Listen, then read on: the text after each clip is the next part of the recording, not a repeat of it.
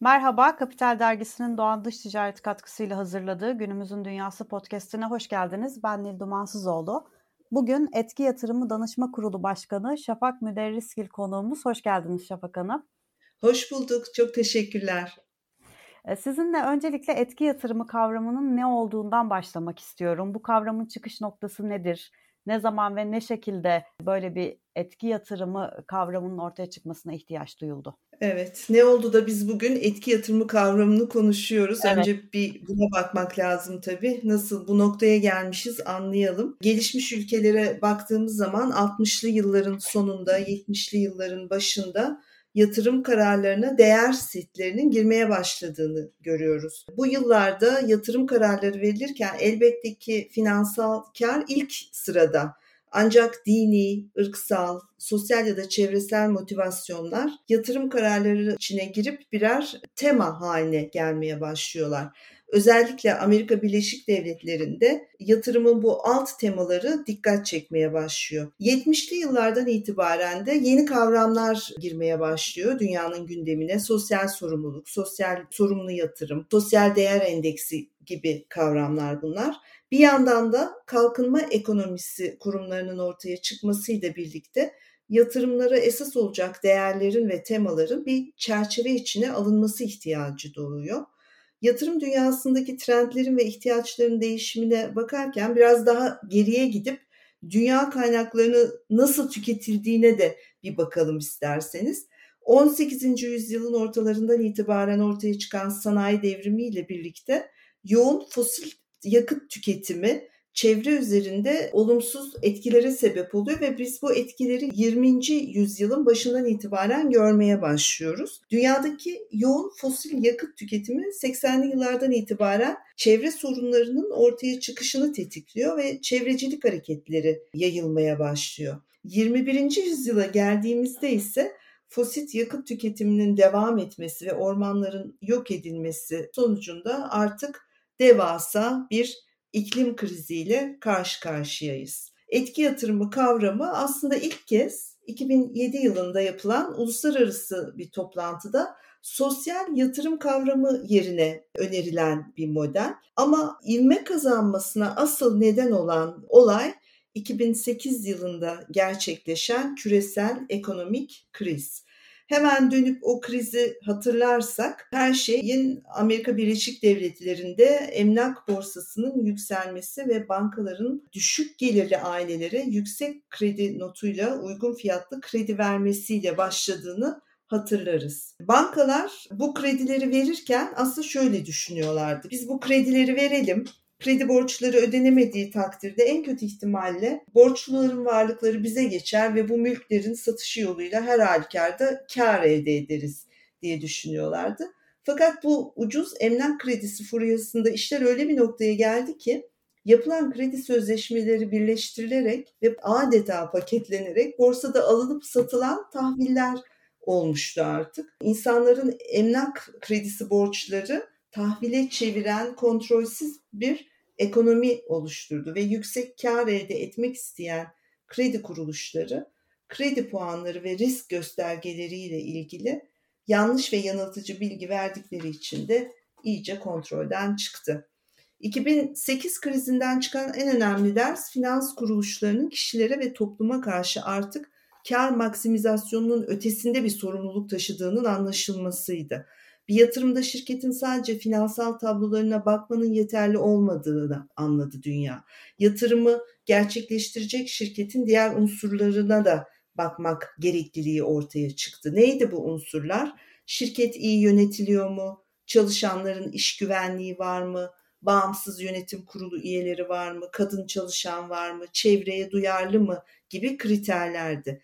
Bu kriterler aslında şirketin bünyetisi içinde sunduğu tehdit ve fırsatları da ortaya çıkardığı için şirketin değerini de arttıran, etkileyen yeni kriterler haline geldi. Aslında küresel anlamda gerçekleşen her kriz yeni kavramların ortaya çıkmasına neden oluyor. Risk kavramının yatırım dünyasına getirdiği bu paradigma değişikliğine artık bugün yeni bir kavram daha eklenmiş oldu. O da etki yatırımı yatırım kararları alınırken artık sadece karlılık ve risk faktörü değil, yatırımın getireceği pozitif etki de aranan bir kriter oldu. Yapılan yatırımların insanları, toplumları, çevreyi ve nihai olarak gezegeni nasıl etkilediği etki yatırımı kavramının ana konusu aslında. Bakıyoruz etki yatırımlarının gelişimine 2015 yılında Birleşmiş Milletler'in ilan ettiği sürdürülebilir kalkınma amaçlarıyla yatırım dünyasında adeta bir başka devrim gerçekleştiğini görüyoruz. Sürdürülebilir kalkınma amaçlarıyla yoksulluğun sona erdirilmesi, çevrenin korunması, iklim krizine karşı önlem alınması, eşitsizliklerin giderilmesi, refahın adil paylaşımı gibi 17 adet amacın 2030 yılına kadar karşılanması hedeflendi. Söz konusu hedeflere 2030 yılı itibariyle ulaşılması için gereken bütçenin özellikle de gelişmekte olan ülkeler nezdinde sağlanması sürdürülebilir yatırım modellerine yönelimi arttırdı ki etki yatırımı da bunlardan bir tanesi. Bugün Covid-19, iklim krizi, mültecilerin geçimi gibi konular sürdürülebilir ve etki odaklı yatırımların önemini çok daha fazla ortaya çıkarmış durumda. Bu anlamda Birleşmiş Milletler'in 2030 yılına kadar ulaşılmasını hedeflediği bu 17 sürdürülebilir kalkınma amacı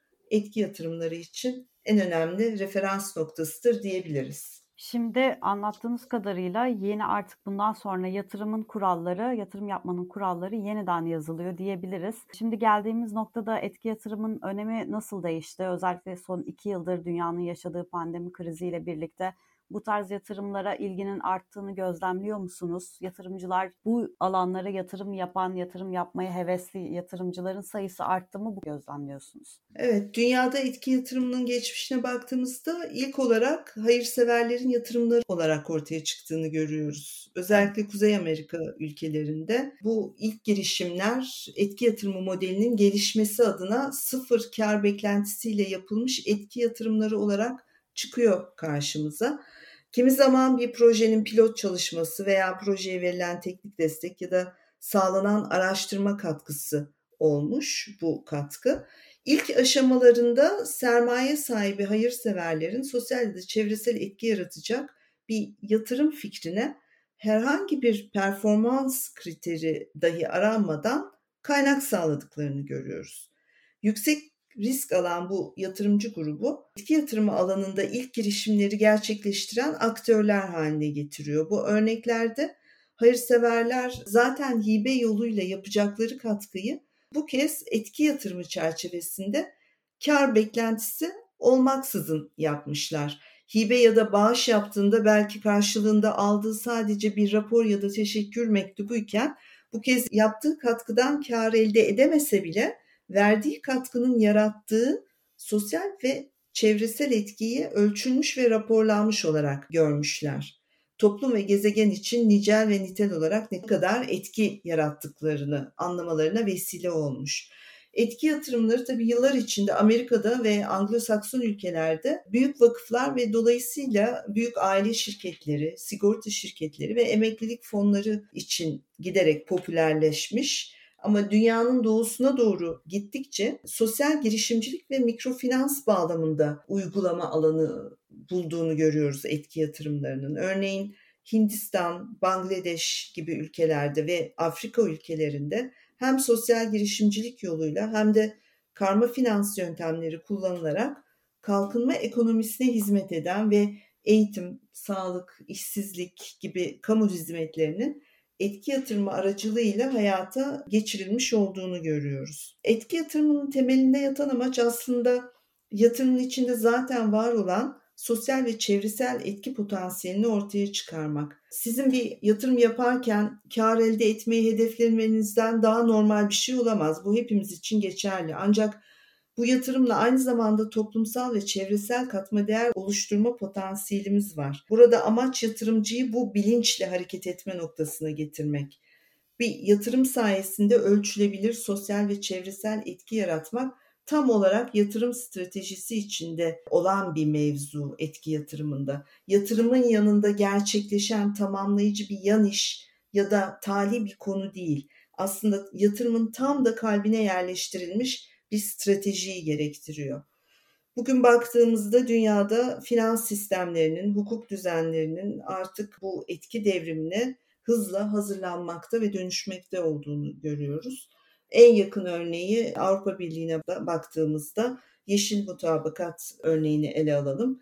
2022 yılında devreye girecek bu yeni sistem elbette ki bizi de etkiliyor. Tüm yatırım, tedarik ve değer zincirlerinde sosyal ve çevresel etki faktörlerini zorunlu kılan ve raporlayan bir birlik var karşımızda. Avrupa Birliği ülkelerine yoğun ticaret, yoğun ihracat gerçekleştiren bir ülke olarak da elbette ki kendimizi bu kriterlere uyumlamak durumundayız. Kaldı ki etki yatırımı konusundaki kriterler birçok uluslararası kuruluşun da artık potasına girmiş durumda.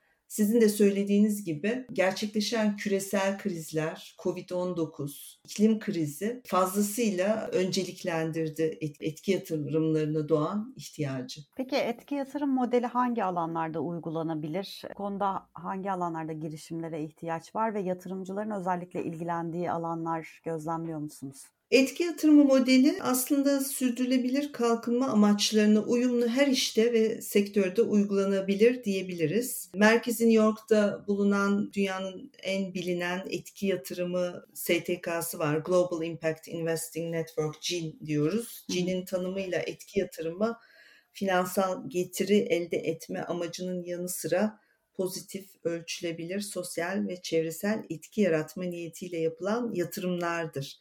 Şimdi bu tanıma baktığımızda burada iki unsur çok önemli ve belirleyici. Niyet ve ölçülebilirlik unsurları.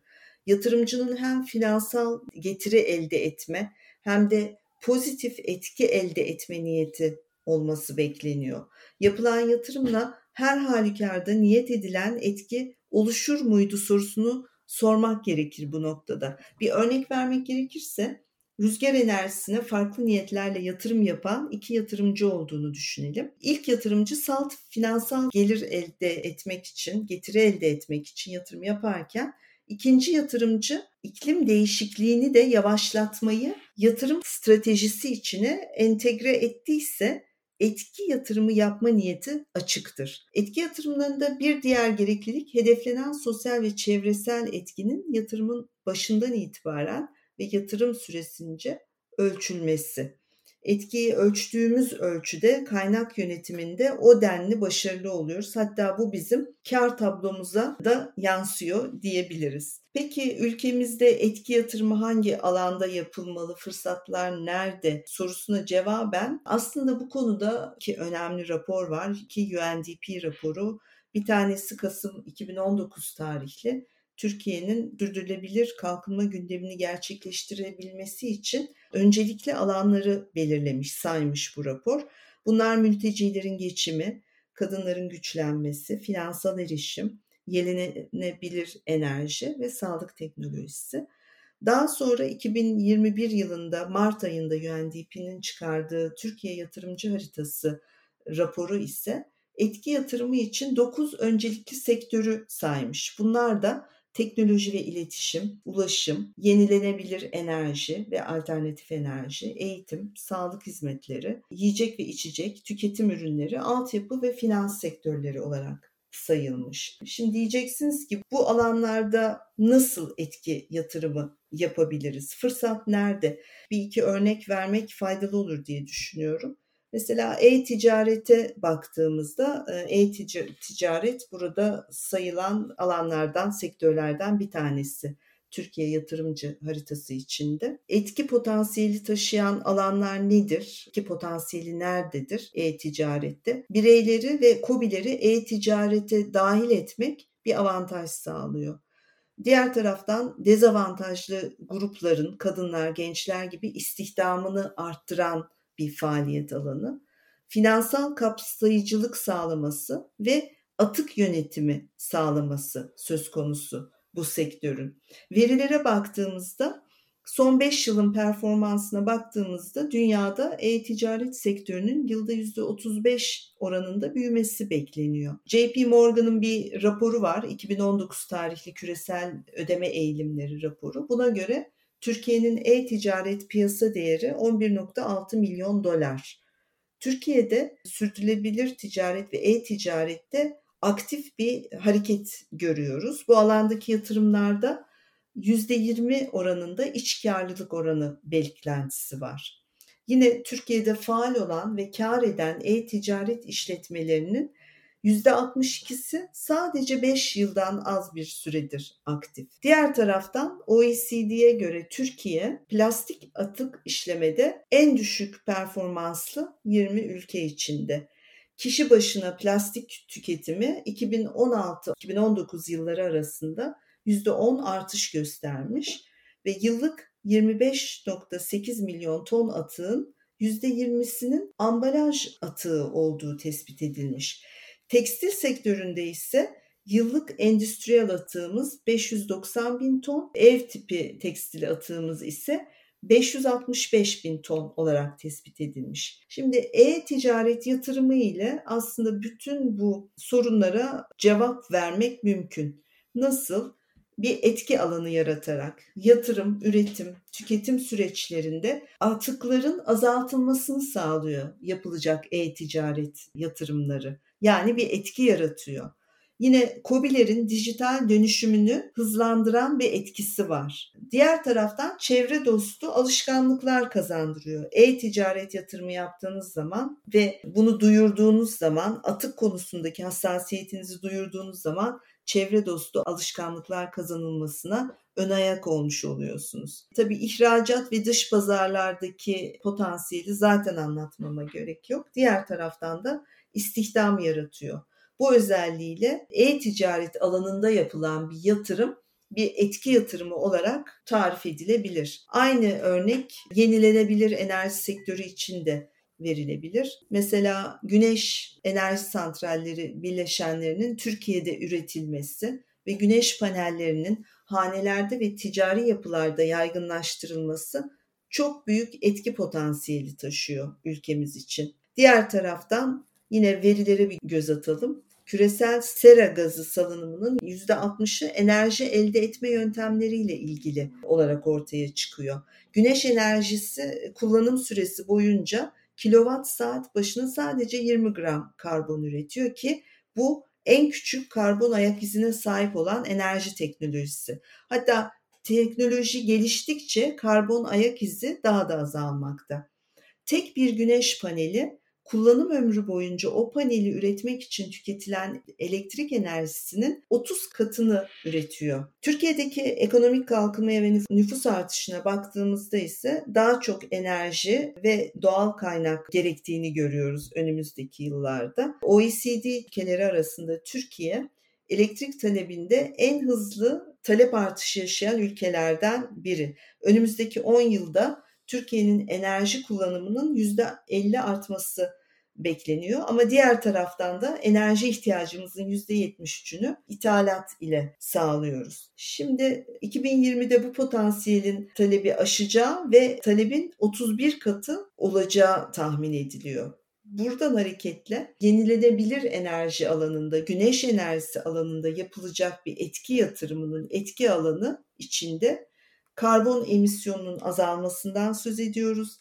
Dışa bağımlılığın azalmasından, enerji maliyetlerinin düşmesinden söz ediyoruz, istihdamın artmasından ve iklim değişikliğine katkıdan söz ediyoruz. Şimdi etki yatırım danışma kuruluna biraz gelmek istiyorum. Türkiye'de etki yatırımlarının gelişmesini ve etki yatırım ekosisteminin oluşturulmasını sağlamak üzerine kuruldu bu kurul. Siz de zaten Türkiye'nin ilk etki yatırım platformu Etki Yapın kurucusunuz aynı zamanda. Böyle bir oluşumun eksikliği nasıl hissedildi? Ne zaman kuruldu? Ekosisteme katkınız ne oluyor? Neler yapmayı düşünüyorsunuz? Neler yapıyorsunuz? Etki yatırımı tabii sadece Türkiye için değil, dünya için de yeni bir kavram. 2015 yılında Birleşmiş Milletler'in sürdürülebilir kalkınma amaçlarını ilan etmesiyle çok ivme kazandı. Mesela 2015 yılında 15.2 milyar dolar olan etki yatırımı potansiyeli 2020 yılı sonu itibariyle 2.3 trilyon dolara ulaşmış durumdaydı. Türkiye'de de aslında 2 yıl öncesine gidiyor bu çalışmalar, etki yatırımı konusundaki ilk hareketlenmeler. EYDK resmen Nisan 2021'de kuruldu ancak arkasında dediğim gibi 2 yıllık bir emek var bu emek birçok paydaşın, paydaş kurumun bu işe el vermesiyle elbette ki daha da değerli hale geliyor. 2019 yılında Dışişleri Bakanlığı ve UNDP Türkiye Ofisi Türkiye'de etki yatırma potansiyelini anlamak için veriye dayalı bir analiz yapmaya karar veriyorlar ve 2019 Kasım'ında Türkiye'de etki yatırımı ekosistemi adlı rapor Cumhurbaşkanlığı Yatırım Ofisi ve UNDP Özel Sektör Merkezi'nin de katkılarıyla yayımlanıyor. Bu rapor Türkiye için çok önemli bir kilometre taşı. Çünkü Türkiye'deki potansiyeli anlatıyor. Bu anlamda gerçekten şanslıyız. Birçok ülkede böyle bir saha çalışması yapılmadığını görüyoruz. Onu takiben 2019 yılında Aralık ayında Türkiye Kalkınma ve Yatırım Bankası'nın ev sahipliğinde bir çalıştay gerçekleşiyor ve bu çalıştayda bu konuda yani etki yatırımı konusunda çalışmaya başlayacak bir etki yatırımı danışma kurulunun gerekliliği konusunda mutabakat oluşuyor. Bu arada 2020 Nisan'ında Covid e, tabii hepimizin hayatına giriyor e, ve 2020 Nisan'ında etki yatırımı platformu kısa adıyla etki yap, etki yatırımı konusunda farkındalık ve ekosistemi geliştirmeye hedefleyen bir STK olarak çalışmaya başlıyor ve anahtar paydaşlarla istişarelere başlıyor. Ekim 2020'ye gelindiğinde ise 5 kuruluş ki bunlar Cumhurbaşkanlığı Yatırım Ofisi, Türkiye Kalkınma Yatırım Bankası, UNDP Türkiye, UNDP Özel Sektör Merkezi ve Etki Yap bu kurulun oluşturulması için kurucular kurulu olarak karar alıyorlar ve EYDK'nın kurulması için koordinasyon görevi de etki yapa veriliyor. Mart 2021'de az önce sözünü ettiğim UNDP tarafından yayımlanan Sürdürülebilir Kalkınma Amaçları Türkiye Yatırımcı Haritası bir başka kilometre taşı ülkemiz için. Türkiye'de sürdürülebilir kalkınma amaçlarına uygun yatırım yapılabilecek sektörleri ortaya koyuyor bu rapor.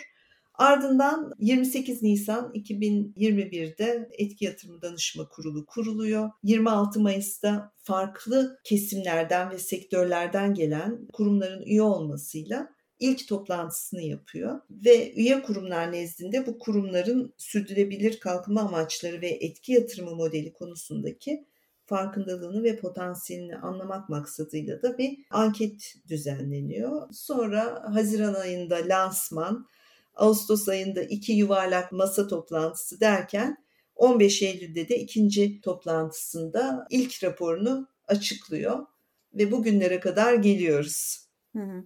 E, bu rapora gelmek istiyorum şimdi son olarak. Rapordan öne çıkan başlıklar ne oldu? Bize nasıl bir tablo ortaya koyuyor rapor? Evet, bir etkinleştirici olarak EYDK raporu Etki Yatırımı Danışma Kurulu'nun ilk rapor çalışması ve veriye dayalı sistemli ve şeffaf bir yaklaşımla hazırlandığını söyleyebiliriz. Aslında bu rapor UNDP tarafından hazırlanan iki ülke raporuna, EYDK'nın Haziran ayında tamamlanan anket çalışmasına ve daha sonra Ağustos ayı içerisinde bunların üzerine inşa edilen iki uluslararası yuvarlak masa toplantısının çıktılarına dayanıyor. Bu raporla EYDK iki yıllık eylem planını şekillendirmek ve stratejik çalışma gruplarını kurmak için veriye dayalı çıktıları analiz etmiş oldu. Raporun bulgularına bakarsak kısaca etki yatırımı ekosistemini geliştirmek için bütüncül ve kapsayıcı bir yaklaşım gerektiği ortaya çıkıyor.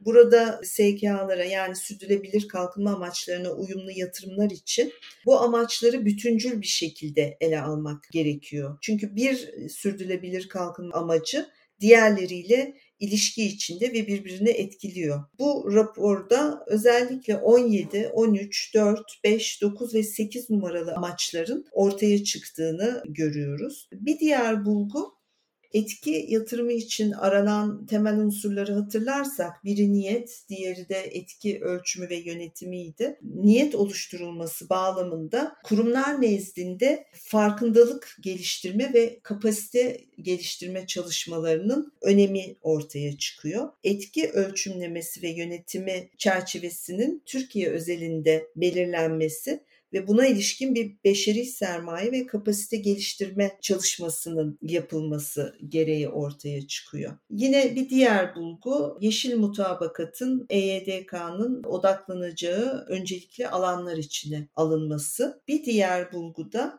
Türkiye'nin Doğu ve Kuzey Afrika, Doğu Avrupa ve Orta Asya ülkeleri ve İslam İşbirliği Teşkilatı pazarlarına girişi için de bir merkez teşkil ettiği, burada hem katalizör olarak hareket edebileceği hem de bu ülkelerden sermaye çekebileceği noktasında Türkiye için bir avantaj sağlaması ortaya çıkıyor. Bu ülkelerle ilişkilerin geliştirilmesi, ticaretin geliştirilmesi bağlamında EYDK'nın küresel paydaş ve bilgi ağı oluşturmak yönünde eylem planında gerekli adımların atılması önerilmiş durumda. Bu anlamda Türkiye'nin potansiyelini ortaya çıkarma noktasında noktasında öncelikli alanlardan kadınların güçlendirilmesi ve yapıcı bir mülteci altyapısının kurulması da ortaya konulmuş durumda. Yine etki sermayesi arzının talep tarafındaki etki girişimleriyle buluşması amaçlanmakta ve bu akışın sürdürülebilirliğini destekleyecek aktiviteler ve ortaklıklara eylem planı içerisinde yer verileceği belirtilmiş bu bulgular içerisinde.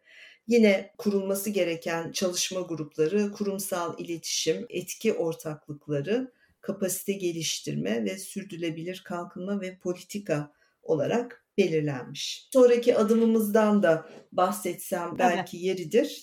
20 Ekim tarihinde de bir arama konferansı gerçekleştireceğiz. Bu konferansta hem EYDK üyesi kurumlar hem de etki yatırma ekosistemi içinde bulunan diğer paydaşlar yer alacak. Bu toplantıdan elde edilen verilerle de çalışma gruplarının ana faaliyet alanları ortaya çıkacak. Bu arada merkezi Londra'da bulunan Global Steering Group for Impact Investing adlı bir bir uluslararası kuruma GSG'ye kısa adıyla üye olma sürecimizde başlamış durumda. Şu anda 33 ülkenin danışma kurulunun üye olduğu bu kurum için 55 üye üyelik sürecinde beklemekte. Biz de bu kervana katılıp aslında uluslararası bilgi ve iletişim ağına girme imkanı yakalayacağız. Yine Aralık ayında UNDP ile birlikte etki ölçümlemesi ve yönetimi çerçeve metninin lansmanını yapmayı hedefledik. Mayıs ayında da Mayıs 2022 yılında da Türkiye'nin ilk etki yatırımı zirvesini gerçekleştirmeyi planlıyoruz. Peki Şafak Hanım çok teşekkür ediyorum katıldığınız için, verdiğiniz bilgiler için. Bu zirveden sonra belki sizinle tekrar bir görüşürüz. Türkiye'nin durumu ne oldu diye. Tabii. Çok teşekkürler Nil Hanım. Görüşmek üzere, hoşçakalın.